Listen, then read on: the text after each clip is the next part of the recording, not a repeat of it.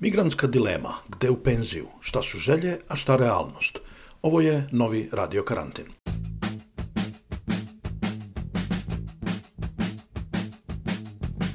Ovdje svako četiri godine se priča o ratu. Gore tih priča nema, gore se živi. To je propast za državu. Kao, kao kad ode jedinac sin od oca. Šteta je, pogotovo ovi naučnici, doktori, budući i tako dalje, sve ide vani. Normalno da recimo Hrvati ideju u Sloveniju, da Slovenci ide u Austriju. Misle da to nije dobro. Ja isto imam djecu. Nemam argumenta da im kažem da, da, da jednostavno žive, jer više i to i domoljublje i sve je to fraza. Puno više se radi nego u nas. Nemaš baš nekog vremena za odmor, ali isto tako taj rad dobro plaćen. E, znači ne zna nikoga ko je ošao da se vrati, a i da nije zadovoljan. Znači svi ko su, koji su otišli čak rekli da bi se vratili, e, zapravo su na kraju ipak ostali. Kako da žive sa 20.000 u Aranđelovcu? Pa bit ću vam iskreno odlučio sam se, uvijek sam bio neki kao pesimist. Ma di ću, ovdje sam svoja kuća, svoje, tvoj narod, međutim, e, nema iz tog naroda ništa.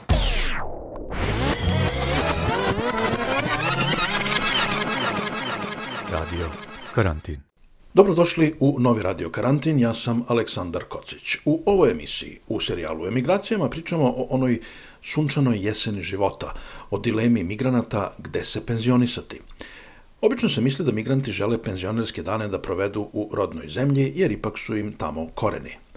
Neki su tokom radnog veka ulagali u rodni kraj, zidali kuću za sebe i eventualno decu i unuke u rodnom selu. Ipak, kada pričamo o migracijama ljudi starijeg doba, tu postoje dva fenomena. Jedan je relativno nov, a to su penzioneri koji se po prvi put sele u novu zemlju, pre svega zato što tamo očekuju udobniji život u sredini koja ima bolju klimu i jeftinija je. To su oni tipični penzosi sa severa Evrope koji odlaze u Španiju, Portugaliju ili Francusku, odnosno Amerikanci sa severa koji odlaze na Floridu. Drugu grupu čine oni koji su recimo sa juga i istoka Evrope odlazili na sever i zapad zbog boljeg života. Tu imamo one koji su rešili da ostanu u novoj zemlji, one koji su jedva čekali da se vrate u rodni kraj i one koji su to uradili pa se razočarali i otišli natrag. Njih istraživači zovu jojo migranti.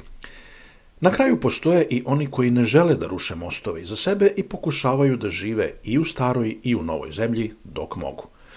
To su oni koji se u literaturi nazivaju treća opcija ili izbor na pola puta. Moj današnji gost je Živoslav Miloradović, nekada novinar i urednik lokalnog lista u Pančevu. On je sa porodicom pre skoro 30 godina otišao u Italiju, počeo, kao i većina nas, od početka i penzionisao se nedavno. Kaže da je bio primoran da se vrati, ili, kako kaže, ode u Srbiju, jer od njegove penzije on i supruga tamo mogu pristojno da žive. U Italiji, kaže, to ne bi mogli. Ipak, vreme provode malo tamo, malo ovamo. Razgovor smo vodili dok je bio kod sina u Veroni.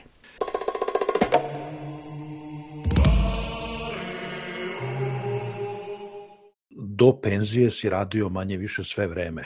Tokom sve vreme, no, no, apsolutno bez jednog prekida i isključivo u reguli, što bi rekli, ovaj, e, sa papirima, jel? nije bilo na crno ništa, tako da mi imam punih 28 godina italijanskog staža. I pre I, toga godine staža u Srbiji. Tako je, 15. Tako sve zajedno 43. I a, ako mogu da te pitam za tebe i suprugu, koji su bili planovi? Šta ste razmišljali o tome gde biste se penzionisali? Odnosno, gde biste živeli kad odete u penziju?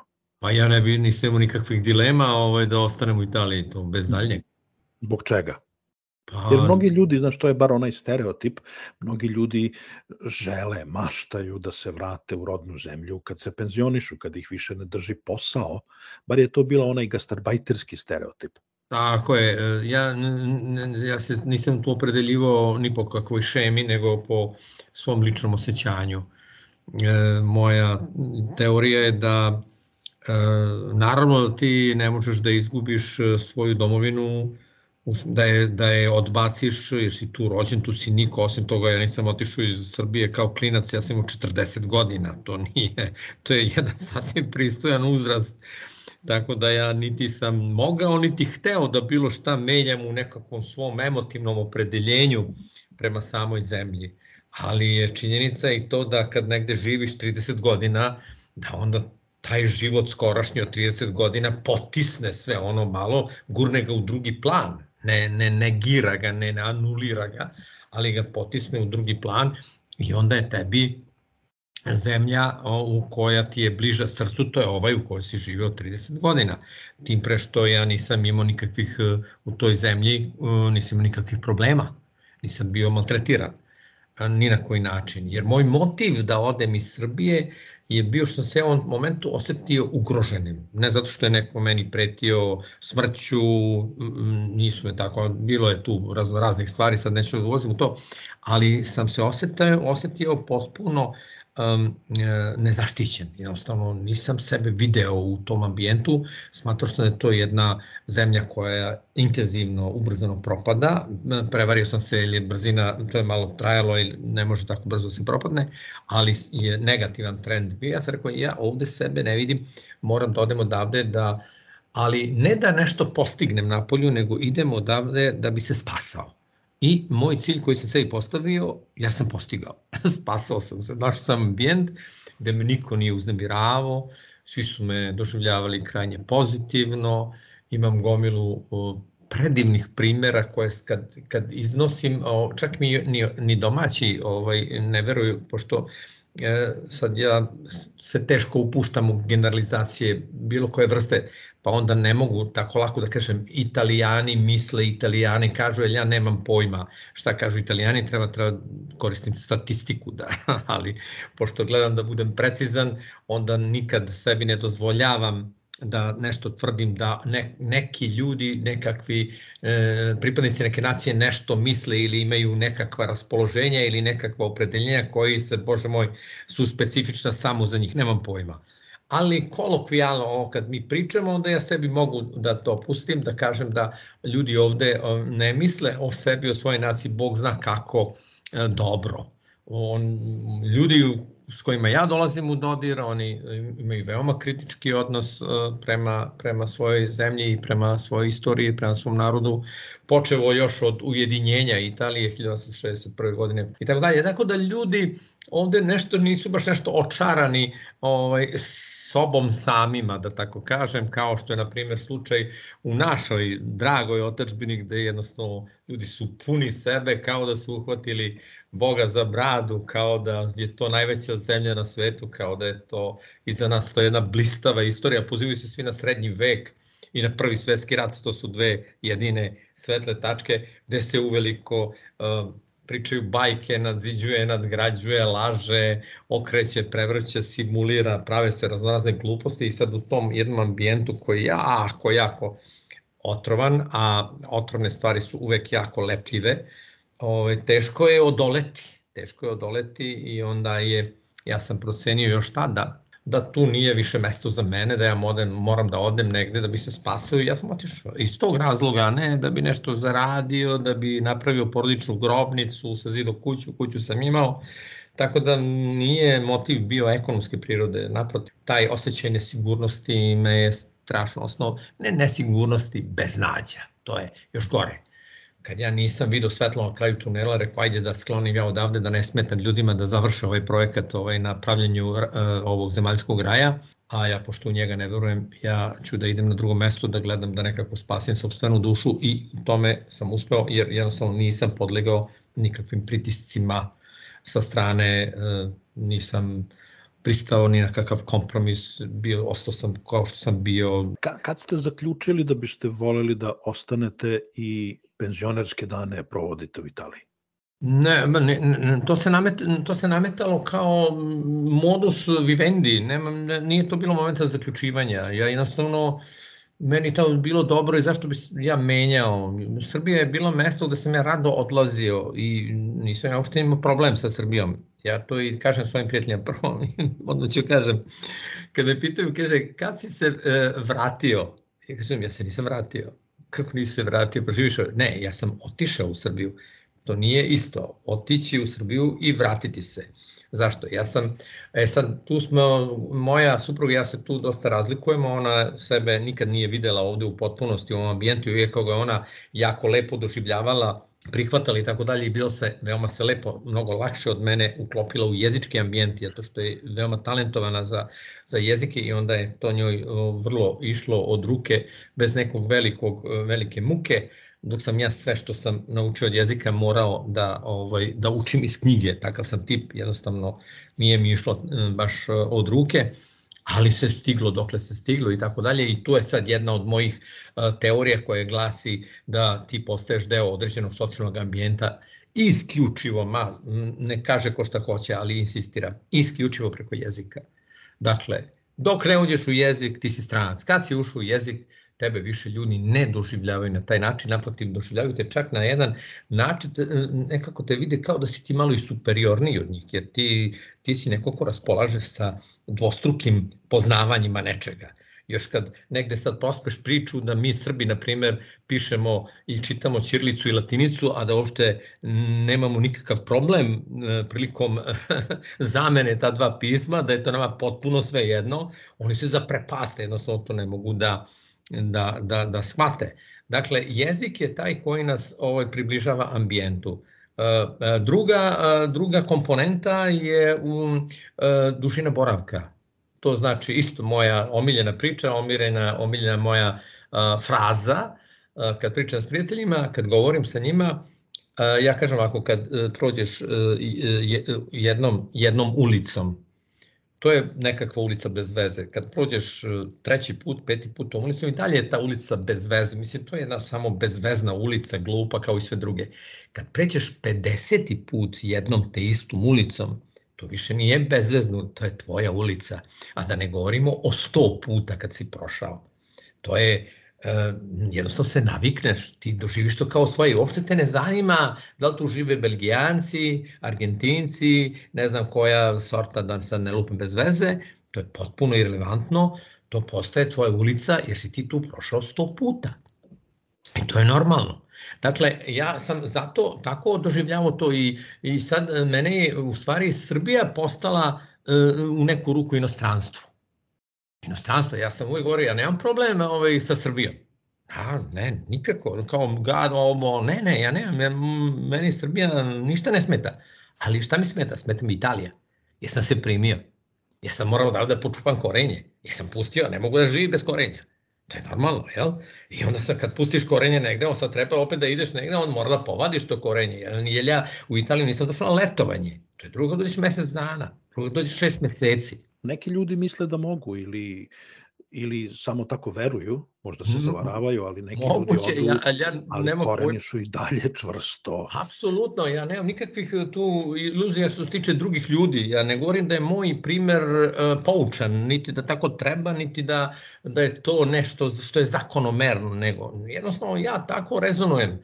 Meni je, ja tamo gde sam, ja se tome pridajem uh, do kraja, i ovaj jednostavno tu sam. To nema nikakve veze sa nacionalnim osjećanjem, sa verskim, onda još kad mi neko kaže tebe su ti katolici, prebratili mislim, a ja sam jedan potpuni ateista, mene ne mogu da obrnu, ne znam ko, kak, mislim na neku, ovaj, ja sam, ja sam čovjek koji ne veruje, to je fakat, ja to svima kažem mojim prijateljima koji su religiozni, mojim prijateljima koji su sveštenici. Kad smo počeli da živimo u Italiji, ja sam, uvek smo, kad su veliki praznici, znači Uskrs Božić, o, odlazili smo u crkvu, uh, ali ne da bi se molili, jer ponavljam, ne molim se, nego da bi bili s ljudima. Bili bi s ljudima iz tog jednog mikroambijenta. Ja sam počeo da živim, osnovno mi smo počeli da živimo ovde u jednom selu, gde su svi, to su ljudi koji tu... To je kod Verone. Kod Verone, da, Ronko Ladić se zvalo, ima, ima 5000 duša. Tako da e, e, stran e, osoba, stranac, uvek odmah svi znaju da si, ko si ti, ne možeš sad ti da se proturiš da nisi, zato što je malo mesto. I onda kad se kao takav pojaviš u crkvi za Božić, za Božićnu misu ili ovaj, za uskršnju, oni sad gledaju, oni odmah skočiš, ali pazi, tu nije postala moja računica nekako da ja postavim neki, nekakav efekat. Ne, imao sam potrebu da s tim ljudima budem na jednom mestu kad je njima dobro I to je fantastično delovalo, to je bilo fenomenalno. Ljudi su počeli da računaju na nas kao neku, neko ko je njihov.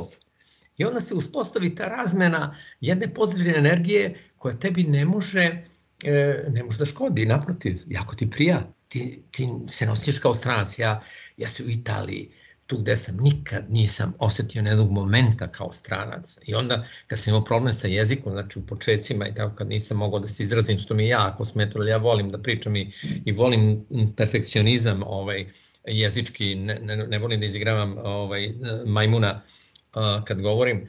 Uh, I onda polako, polako uh, sam ulazio u, u to, ali sam se osjećao dobro i onda kad nisam do, govorio dobro, zato što je se uspostavila jedna fenomenalna, divna komunikacija na energetskom nivou između mene i ambijenta. Ja ne znam sad uh, da su neki ljudi, svi ljudi o meni mislili dobro, ali su mi činili dobro. Ja ne šta znam šta su mislili, uopšte me ne interesuje. Ali ja nikad nisam naišao ni na šta. Naprotiv, imao sam fantastične primere, meni se desilo prvih meseci, meni, ja govorim meni, sad, sad što govorim svoje ime, znači govorim u ime porodice, ali kažem meni, došao je naš uh, stanodavac i rekao je da, vi ste, kaže, tek počeli ovde da živite, kaže, ovaj, nije to lako, znam ja i tako dalje, Kaže, moja suprova i ja smo rešili da vam ne uzimamo kiriju šest meseci. Pazi, to je, to je neverovatno. To je neverovatno sa bilo kog aspekta gledano. Tim pre što ja nisam tražio to, jer šta, ne mogu sad da uđem u privatni stane i da ne plaćam kiriju, mislim i da tražim da mi se oprosti. Nije mi na pamet padalo, odnosno i moj materijalni položaj tad je bio takav da sam ja, nije mi to bio neki veliki problem da plaćam tu kiriju. Naravno da je bolje bilo bez nje ali misli sad moraš da platiš nešto. E on je došao i to je rekao. A da ga niko nije šibo po ušima. Mislim, ja ne mogu sad da pređem preko toga da kažem, e, ne, ne, to nije ni bilo ili to je sad može svako. Pa ne, može svako. I ne dešava se svakom, ja se izvinjavam. E sad tu dolazimo do sledećeg zaključka koji može karakteriše život našeg e, nekog pojedinca napolju kao stranca, a to je kako seješ tako ćeš žnjeti jedna banalna fraza koju kao svi znamo, ali ovaj, e, ne znam koliko, u kojoj meri se toga pridržavamo. Dakle, ako si ti imaš jedan pozitivan stan prema ambijentu, ambijent će po prirodi e, veze e, između tebe i njega da odgovori pozitivno. To je moje iskustvo, do sad se nisam u tome prevario, a sad neću da navodim i još nekoliko fantastičnih primjera u tom smislu, jer bi sad ispalo da ja sad nešto sebe vozdižem, ne vozdižem se, jednostavno ja sam živeo svoj život kao i svi drugi, radio sam kao i svi drugi, dakle ništa, bi, ništa bilo, nije bilo ekskluzivno, ali su ljudi imali potrebu da, da sa mnom komuniciraju na pozitivan način. E sad, posle 30 godina, se ne možeš kažeš, ej, slušaj, to nije, idem ja u Srbiju, tamo je meni bolje. Pa ko kaže da mi je bolje? Pre svega u mom gradu, mene više niko ne poznaje oni ljudi e, pre 30 godina, znači sad zreli ljudi koji imaju 40, 45 godina, oni su bili kad sam ja tamo bio klinci. Ja se sa klincima nisam družio. Ja se viđu po ulicama decu, ali nismo nešto se prijateljevali. Ja sa decom u 10 godina ne idem u kafanu da sedim, je tako? Ovo, ovaj, Tako da su, i sad šta ti, kakvi ljudi, ti ljudi imaju nekako ono, po čemu je sad to m, m, moj grad? Ja kad dođem u moj grad, ja živim od uspomena, ja živim u svom bivšem životu, a ne u svom sadašnjem životu. Ali eto prijati, zato što se sećaju neki ljudi, pa kao, o, pa gde si, pa evo ja sam čitao tvoje tekstove, pa ja sam ovo, pa ja sam ono. I meni to ne može da mi ne prija, ali moj život se nije odvijao tu. Znači, ja tu živim svoje uspomene. Očigledno je, znači, vaša želja je bila da ostanete u Italiji kao penzioneri. Koliko znam, to se nije desilo.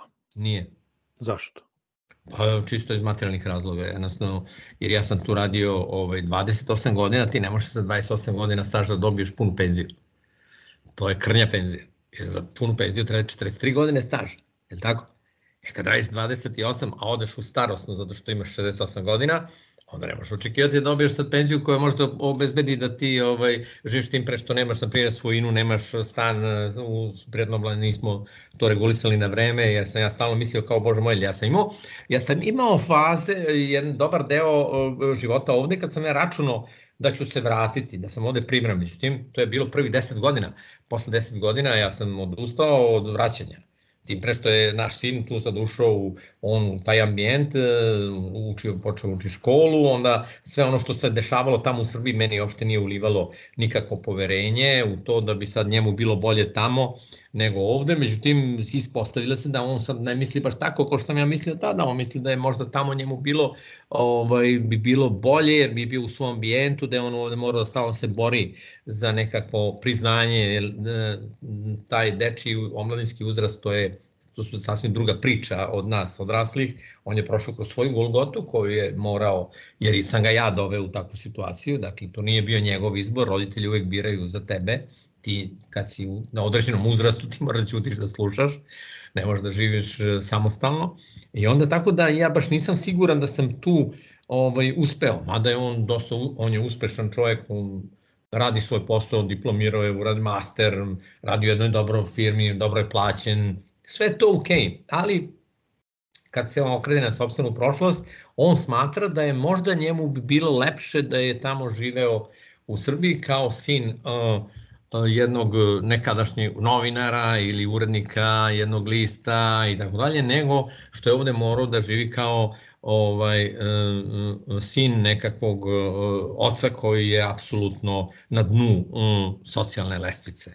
Jeli, jeli, mi smo krenuli sa apsolutnog dna. To je fakat. I ja njega potpuno razumem. Međutim, aj sad da se vratimo nazad, teško je, jel? Ne možeš ti da ovaj, vraćaš život, ovaj, nije to ovaj, uh, snimak na videu pa sad teraš traku unazad ili već šta danas možeš sve Ali da... Ali baš je odrastao čovek, što kažeš, ima sada svoj život. Ima, da. A vas dvoje, moram ovo da te pitam, znači posle 25 kusur više godina rada, vas da, da dvoje da, niste mogli da priuštite penzionerske dane u Srbiji, u ovoj, izvini, u Italiji. Da, Da, ne, ne, ali ja sam, samo sam ja radio, uh, moja supruga je radila uh, na crno, odnosno mm -hmm. babysitter, ovo, ono, pomoć u kući i te stvari, tu ne, ona nema nikakvu nadoknadu, okay. nikakvu penziju, da, to nema. Imamo samo moju, Tako da to ne, ne, ne, ne može od 20 godina, 28 ne možeš da živiš ovde. Mada ima, ima Ital, građane ove države Italije koji žive, koji, za koje sam ja ovaj, ono, jako dobro plaćen penzioner, hoću reći, koji imaju penziju koja je mnogo manja od moje. Međutim, sad oni imaju i suprugu koja ima neko, opet neku crkavicu, pa se onda se nekog nakalimi, a onda imaju svoju kućicu koje znači ne plaćaju kiriju i tako dalje i sad i osim toga nemaju sad Srbiju da odu u Srbiju nego mora se gde, gde jesu, ovo je njihova otačbina. E, dakle, to je to. Znači ja kad bih da, da nemam druge, ja bi ovde morao nekako da se snalazim, nešto da smislim, jel? Onda imaš te socijalne stanove, onda konkurišeš kao siromašan, pa ti onda da opštinski stan ti daju i tako dalje, tako dalje. Međutim, ja nisam da se ponižavam do te mere, mislim, tam, tam posla, imam gde, imam tamo imovinu, imam sve što bi ja sad ovde ovaj, živeo i držao nos jedva iznad vode samo zato da bi preživeo. Hoću da živim opušteno normalno, a sa ovim prihodima to mogu u Srbiji, mislim, nije to, nisam ja neki bogataš ne, u tom smislu, ali jednostavno moguće je sa ovom inostranom penzijom živeti u Srbiji, eto, manje više opušteno, ali je, ne nešto preterano. To je, zvučaće, zvučaće možda surovo, ali to je jedna od prednosti kad dolaziš iz siromašnije zemlje, mm. onda bar te ovaj zapadne plate ili penzije koliko god možda nisu dovoljne na zapadu, jesu dovoljne na istoku. Apsolutno. E, ima, na primjer, interesantna je e, stvar kod ovaj, E, ja, ja sam ovde sticam okolnosti imao prilike da kontaktiram sa ljudima koji pripadaju drugim civilizacijskim ambijentima, dakle pre svega sa Arapima, odnosno sa Marokancima, pošto su oni dominantni ovde kao stranci u Italiji. Pa sam i radio sa ljudima i onda su i postali prijatelji i tako dalje. On sam čuo kako je njihov model, njihov model, pošto oni su jako porodično vezani, onda Marokanac ovde kad radi u Regoli, on uh, uopšte on traži da se mu se ne odbija za penzijsko osiguranje. Jasno, prima sve, dobija na platu, sve prinadležnosti što ne, ne, ništa, ništa, ništa, znači on ne želi da ide u penziju, kad on dođe u nekakve godine, on se vrati u zavičaj, gde je on umeđu vremenu finansirao, on je zato i došao tu da bi izdržavao familiju, znači ženu, decu, ima po 5-6 komada deca i tako dalje. E onda kad dođe kući, onda deca njega izdržavaju. E, takav je običaj, on nema penziju, ali ima decu. I to je kapital. On ulaže u tu decu kao svoj, e, e, svoju penziju.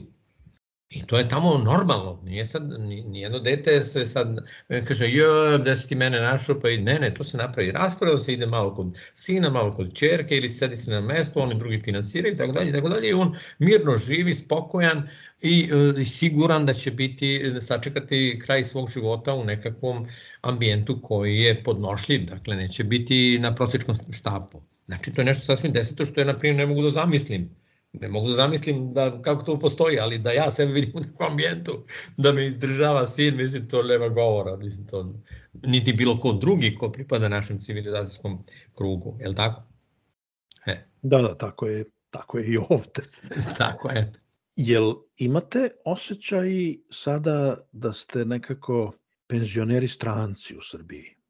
Pa, znaš zašto? E, nemam, zato što mi e, smo Možda tamo... Možda je pre, prejaka reč stranci, da. ali penzioneri došljaci. Ne, ja nemam taj osjećaj zato što nema, ni jedan ni drugi nema taj osjećaj zato što se mi krećemo kao i svi drugi ljudi koji žele u Srbiji da spasu svoju dušu, oni se kreću u svom uh, ambijentu. Dakle, u krugu uh, sebi dragih ljudi ili, bolje kažem, ljudi koje mogu da podnose jer e, ambijent u Srbiji je krajnje neprijateljski nastrojen prema svemu što je normalno i što je pozitivno i što je ljudsko. Ambijent, govorim socijalni, generalno gledano, tako da e, je jako, postoji velika opasnost da čovjek, da čovjek izgubi pamet tamo, jasno, ako bi se pustio u sve to, e onda se e, braniš tako što biraš svoje svoje okruženje, kontaktiraš samo sa određenim, broj, određenim brojem ljudi i to su tvoji ljudi i ti onda nemaš nikakvih problema, niti imaš bilo kakav ružan osjećaj. Jer oni tebe razumeju, oni znaju sve, celu storiju, oni su pratili, mi smo bili prijatelji ranije i onda ovaj, taj, problem, taj problem ne postoji. Ljudi, te, ljudi su, su nas prihvatili, zašto? Pa zato što mi smo stalno bili i bili u vezi. Nismo mi ni prekidali nikad da. ovaj kontakt sa uh, najbližim ljudima najbližim prijateljima. Mm -hmm. E sad, oni koji smo znali, koji su bili sa periferije tog eh, jednog o, kruga, znanci takozvani, jeli, dobri znanci, sad tu se deš, dolazilo se, došlo je do procesa koji je u Srbiji dosta raširen, to se, ja to zovem prolupanje, nadam se da će se složiti, možda izraz nije ovaj, najsrećniji, znači prolupanje, to znači biti, prolupati. Tako da ima ljudi koji su o, prihvatili ovaj trend krajnje negativan u našem, našem društvu, koji je evidentan, i koji su počeli da zastupaju neke stavove koji su ne u političkom smislu oprešni mojim, nego u civilizacijskom i u moralnom smislu. ja, ja nemam problem s ljudima koji imaju drugačije uh, političke nazore, imam problem sa ljudima koji imaju drugačije moralne nazore, jer moral je fundament našeg bića društvenog, je li tako? Tako da tu onda kad najđeš na neki konflikt, ti onda mora se skloniš. Sad da nekog ubeđuješ da je on e, budala. Uh, on je budala i to je tako, ja to prihvatim zdravo, ali ne moramo da se družimo. Ne moramo da se družimo, to je znači star mog izbora. I onda ja se tih ljudi klonim, a družim se isključivo sa onima koji mi odgovaraju. I u to, e, ja sa njima nemam nikakvih problema, niti sam ikada imao. U tome tajna i pritom ti supruga imate mogućnost da odete u Italiju kad god poželite, da se, da se vidite sa sinom i da. unukom da. i uh, na neki način, evo mi sad razgovaramo, ti si u Veroni dok pričamo, da. na neki način ste malo tamo, malo vamo.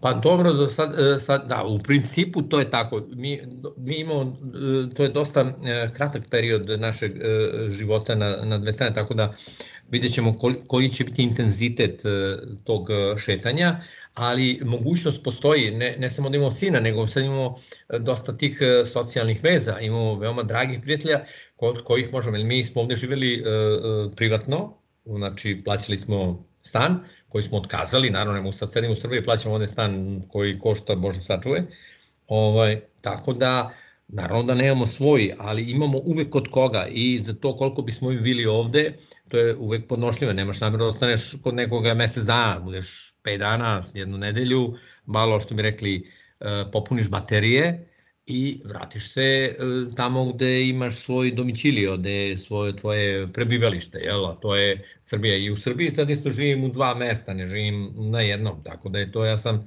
baš onako sam se razbio. Jeste možda razmišljali u nekom trenutku da ostanete u Italiji, ali pređete u neki jeftiniji deo zemlje, znači na jug? Ne, ne, ne, pa šta ću, to bi bio, na pameti nije padalo, jeste jeftinije na jugu, ali tamo bi se našao opet u, u, u inostranstvu. Šta je moj život ovde čine moji kontakti sa ljudima, a ne uh, prodavnica da je jeftinije. Tamo je jeftinije, možda za hranu je 30-40%, možda uh, jeftinije, ali to je jedno novo, novo, novo iskušenje. Mada je jug Italije prijemčiviji mnogo zato što je drugačiji svet.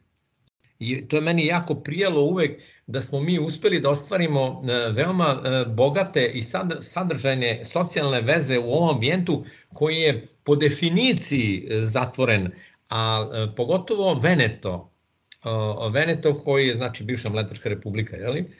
ovaj, koji je, oni ljudi sami za sebe kažu kako je teško uspostaviti komunikaciju i svi kažu, e, a drugo, kad kaže Emilija Romanja, znači to je sad malo južnije, to je Bolonja, jeli, i Ređe Emilije, to je ta zona ispod, znači pre Toskane, e, kaže, ba, to su ljudi, ja, ja, sad nisam imao prilike, ja sam odlazio ticajem okolnosti, pošto sam bio vozač jako dugo i ja sam obišao celu Italiju, ali e, moji kontakti nisu bili tako sad, kad pričaš nekim službenikom u fabrici ili s nekim magazinerom, to nije dovoljno da ti sad stekneš utisak kakvi su oni ljudi, nemam pojma kakvi su ljudi. E sad svi govore kako je to drugačije. Mada imam neke, m, imam nekakve m, spoznaje da to ipak je tačno ovaj, što govore, jer drugi, je, drugi su to, drugi, su, drugi je to svet, drugi je to svet.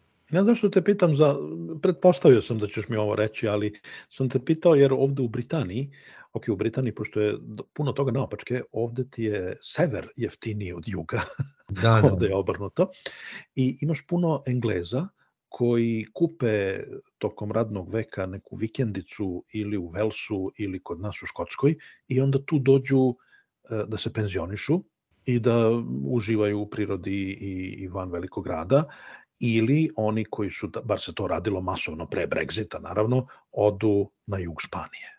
To je, da, da, da, da. I tamo imaš čitave, tamo imaš čitava sela gde uh, gde nema, jedva da ima španaca, gde su da. Britanci glavni, čak je bila fenomenalna priča iz nekog sela gde su ih, manje gradića, gde su ih pohapsili sve zbog korupcije i na kraju je selo ostalo, nisu imali koga da, da izaberu za predsednika opštine, pa su izabrali Engleza koji jedva govori e, španski, Da, da. Jer niko drugi nije, nije ostalo španaca. Da, da. Pa dobro bi, da, da ti kažem, šta znam, je, ovo je bio bi, bi veliki jedan uh, iskorak kad bi otišao na jug, ali nije mi padalo na pamet, mislim, zaista. Dobro. A kaže mi, Španija, ova Italija je inače zemlja koja ima visok kvalitet života, ima uh, jako dugovečne uh, građane. Uh, kako žive penzioneri u Italiji? Ako može da se generalizuje. To je tema pa, koja je vrlo aktuelna u da, Srbiji. Da, da, jeste, ali ja ne, ne mogu da nemam statistiku, ja samo ono što mogu da ti kažem, na primer, pošto su e, ovde... Iz tog ličnog, iz, iz, iz Molim? kontakata sa ljudima, iz ono, observacija. Pa da ti kažem, um, ljudi s kojima se ja družim, oni imaju visoke penzije, tako da, ovaj, znači, to nije neki prosek, ne znam šta da kažem, imam Mm, imam nešto, ali to ne, ne može da se zaključuje, ali što se mogu da zaključi, znači što se tiče dugovečnosti, ovaj, to je, ovaj sad COVID je učinio veliku uslugu ovom socijalnom osiguranju ovaj, italijanskom, zašto je desetkovao penzionere, mm. a, a vidiš, na primjer, na ulicama, pošto ovde su, e, ovde je tradicija, e, na primjer, baš u Venetu, Da, e, moram to da kažem, regije se pored raznih drugih stvari, ovdašnje regije italijanske razlikuju i po, i po čituljama što se lepe po zidovima. Pazi, to je, ja sam se, ja sam se, pošto obraćam pažnju na, na sitnice, pošto je za mene život sastavljen od sitnica u stvari, za mene je važno u jednom gradu, kad sam negde u nekom mestu u italijanskom, da vidim kakve su čitulje, ove što se kače na zidove, mislim. To je za mene nekakav znak. Da. Naprimer, u, u Venetu, gde ja živim, čitulje su otprilike kao, kao stolnjak na kafanskom stolu, otprilike. ili kao, kao, kao kafanski sto. Znači, tako da ti možeš da čitaš druge strane ulice o, o pokojniku, ne možeš da, da gurneš nos u čitulju kao kod nas, na primjer, ne možeš da vidiš e, na, sa 10 metara ime pokojnika, a ovde možeš da vidiš sa 30 metara ime pokojnika, jer je ogromno. I onda tu mi upada, ja uvek obratim pažnju na, ovaj, na, na godine. I to čoveče, ne možeš da nađeš nikog ispod 85 godina. To je redko da viš ne kaže umro 80, ima ljudi umre 60. Ali na primjer, ja sam baš fotografisao dve čilje, jedna pored ne, dve gospođe, jedna 103, a druga 105. I to uopšte to, oni to objavljuju novinama lokalnim, kad neka baba, obično žene su te koje su muškarci teško doguraju do stotke, ali žene da, i onda se tu, to bude, ako je malo mesto, to bude fešta ovako na opštinska. to je kao je baba ta i ta, ona slavi stoti rođendan i onda to, to se račuje, to objave čak i regionalne novine ovaj, i tako da ovaj, tu sam u tomu, znači ima, ima dugovečnog sveta, ima sveta sa mnogo dece i tako dalje i tako dalje, ali ne znam, ne mogu da ja da kažem kako oni žive. Mnogo je lakše kad imaš svoje, na primjer kad imaš svoju, svoju e, kuću ili svoj stan u vlasništvu, onda su izdaci kudi kamo niži. Ali posle svih ovih užasa koji su desili u vezi sa ratovima u Ukrajini i ovo sve dostalo, Italija je sad jako skupa zbog gasa jer je e, Italija bazira svoj energetski ovaj, e, e, status na, na gasu koji je dovožen iz Rusije.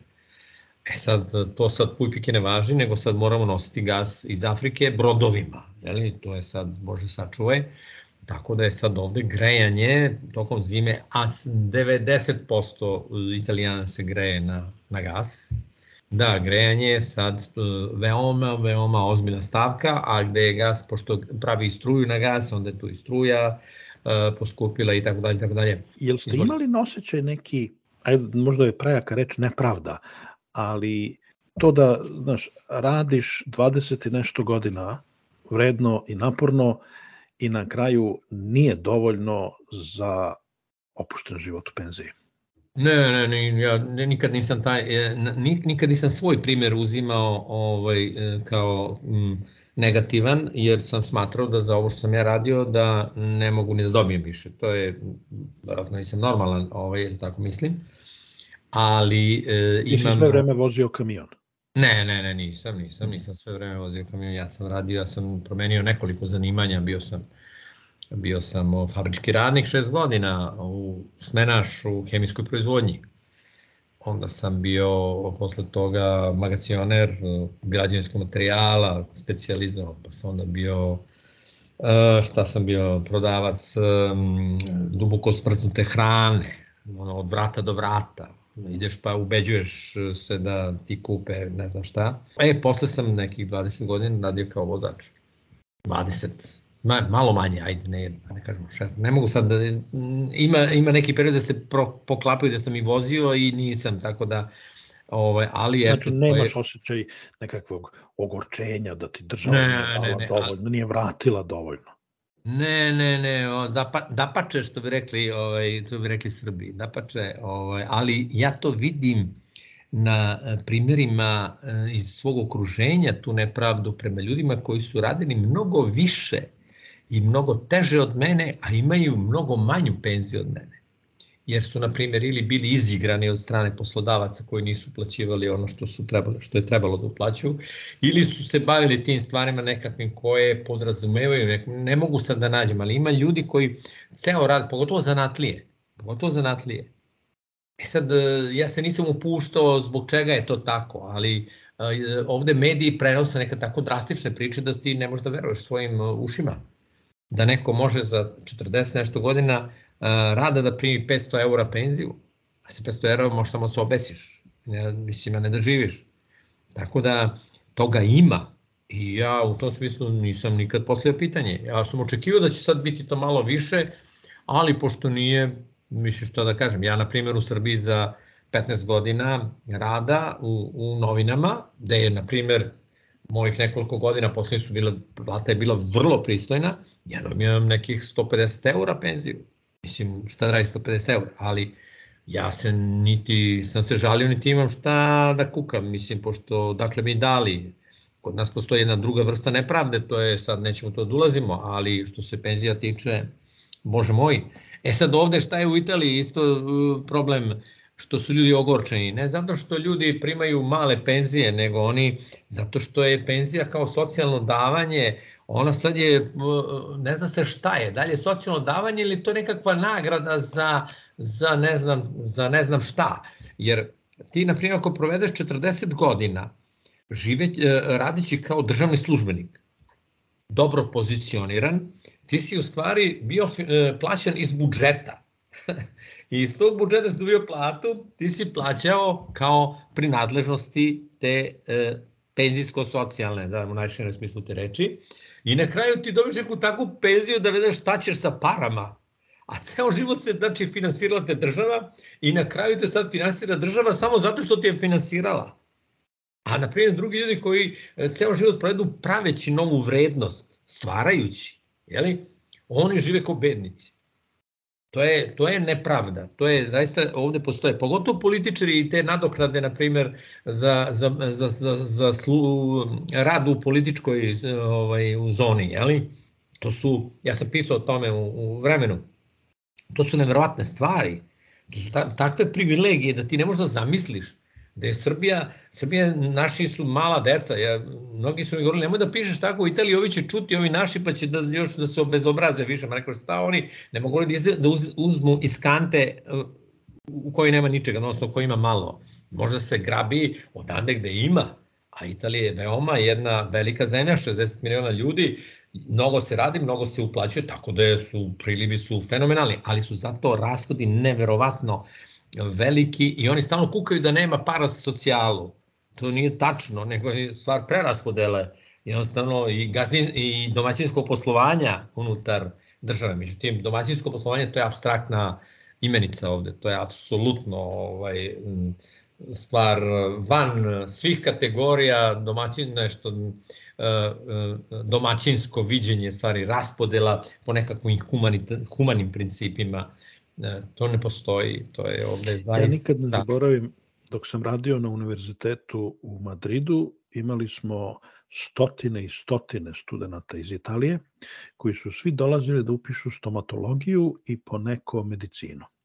Da.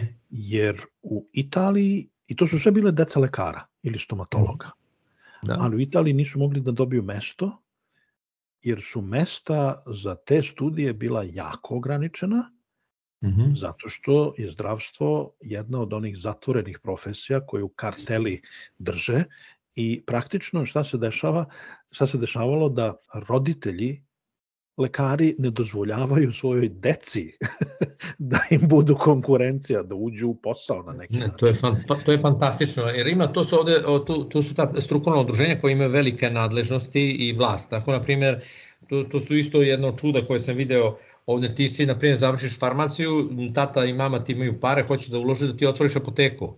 Ti, ti ne možeš da otvoriš apoteku. Zašto? Pa ne daju ti. Jer ti moraš da dobiješ odobrenje od apotekarskog udruženja ovaj, tu u tom mestu, jer ne možeš ti njima da praviš konkurenciju. Šta će biti sutra ako idu svi kod tebe, šta će oni da rade? A onda oni, pošto drže monopol, mogu da, rade, mogu da rade šta god žele. I on, to isto u advokatskoj struci još grđe i gore, tu nema govora. Tu je takva zloupotreba mladih ljudi da, na primjer, ti da bi do, dobio licencu da budeš advokat, ti mora da krv da propljuješ radeći u nekakvoj kancelariji za džabe. Pazi to, nešto ti sad ugovor, nego to te nema obaveza da plaća. Isto važi za stažere, za lekare To traje po dve, tri godine bez ikakve šanse da ti ili nade da ćeš ti nešto to postići, ali ti moraš da radiš e, za, bez novca. Ti radiš uredno koji svi drugi, ali tebe ne plaćaju. Zašto? Pa ti kao učiš. Pa šta učiš čoveče? Imaš iza sebe šest godina studija, imaš gomilu ispita, imaš državne ispite, sve i sad treba da uradiš staž i sad radiš ovaj, ne za male pare, nego ni za kakve, podvlačim, ni za kakav novac. To je, to je strahota. To je strahotno. To, to je verovatno jedna od krupnijih razlika između ovih severnih zemalja kao što je Britanija, gde se država mnogo manje meša u svoj posao i gde nemaš tu kartelizaciju kao što da. imaš na jugu. Kaži mi na kraju, šta je hmm. najlepši aspekt života u Italiji? O, pa ja ne znam... A, Šta je ono što Italiju čini zaista da lepom kažem, i vrednom? Za da, život. da, pa to je e, ljudi koji e, ne žive u ovde, e, oni imaju mnogo, oni bi to o tome mogli mnogo više i bolje da govore od mene. Zašto? Zato što kad živiš u jednom ambijentu koji je koji lep, gde god se okreneš, onda se ti na to navikneš. I onda je to te, za tebe obična stvar, ti to ne primećuješ. Ali je to fakat da je to, ima te lepote na svakom koraku, to je, pa kažu negde da je, ne znam, 90%, 80% svetske umetničke vrednosti koncentrisano u Italiji. ovde svako selo, naprijed pogotovo dole, i ovde isto je, šta da kažem, ne, to je, ja, ja sam, meni jako prijelo kad sam i vozio kamion i tako da odlazim, još sam voleo i da zanoćim negde, onda gledam da kad treba nešto da čekam, neki utovar ili isto nije bitno, onda gledam da se približim kamionom što bliže gradu, jer obično uh, nosiš robu u industrijske zone, jeli, de, koje su izvan grada. E sad, ako parkiraš u samoj zoni, onda treba ti, treba ti peške da stigneš ne znam koliko vremena. E onda ja gledam da nekako nađe neki parking što bliže da bi ja mogao da ovaj, u, idem kroz, kroz varoš i ja sam, to je meni gušt, na primjer, da dođem u neku lokalni bar gde sede tako ljudi iz, iz kvarta, ali tu su i bar je, ima svoju nekakvu, ima šmek jedan koji je, pa znaš sam kako bude u Španiji, tako, o, tako i ovde. To, ti, to su ti, te države mediteranske koje zaista imaju jedno ogromno uh, kulturno nasledđe i tako da je sve tu jako, jako, jako lepo. Ali kao što kažem, evo na primjer, nama je ovde neposredno u komšiluku to je uh, jezero Garda, koje je, na primjer, 60-70 km dugačko. Sad, nastavno što je to ono dugačko, to imaš da god hoćeš. Ali ono načičkano uh, malim mestima uz obalu i sa ove naše veronske i sa on brešanske strane ili je po sredini uh, je granica između Lombardije i Veneta, da ne znaš koje od koje je lepše.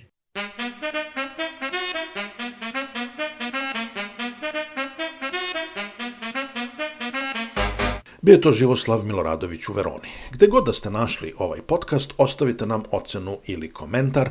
Na taj način pomoći ćete i drugima da nas nađu. Bićemo vam veoma zahvalni ako možete da nam pomognete i donacijom. Link i informacije su na našem sajtu radiokarantin.eu. U narednim emisijama posvetit ćemo pažnju i predstojećim izborima u Srbiji, odnosno odnosu dijaspore prema njima. Hvala vam što nas slušate i pozdrav iz Glasgova.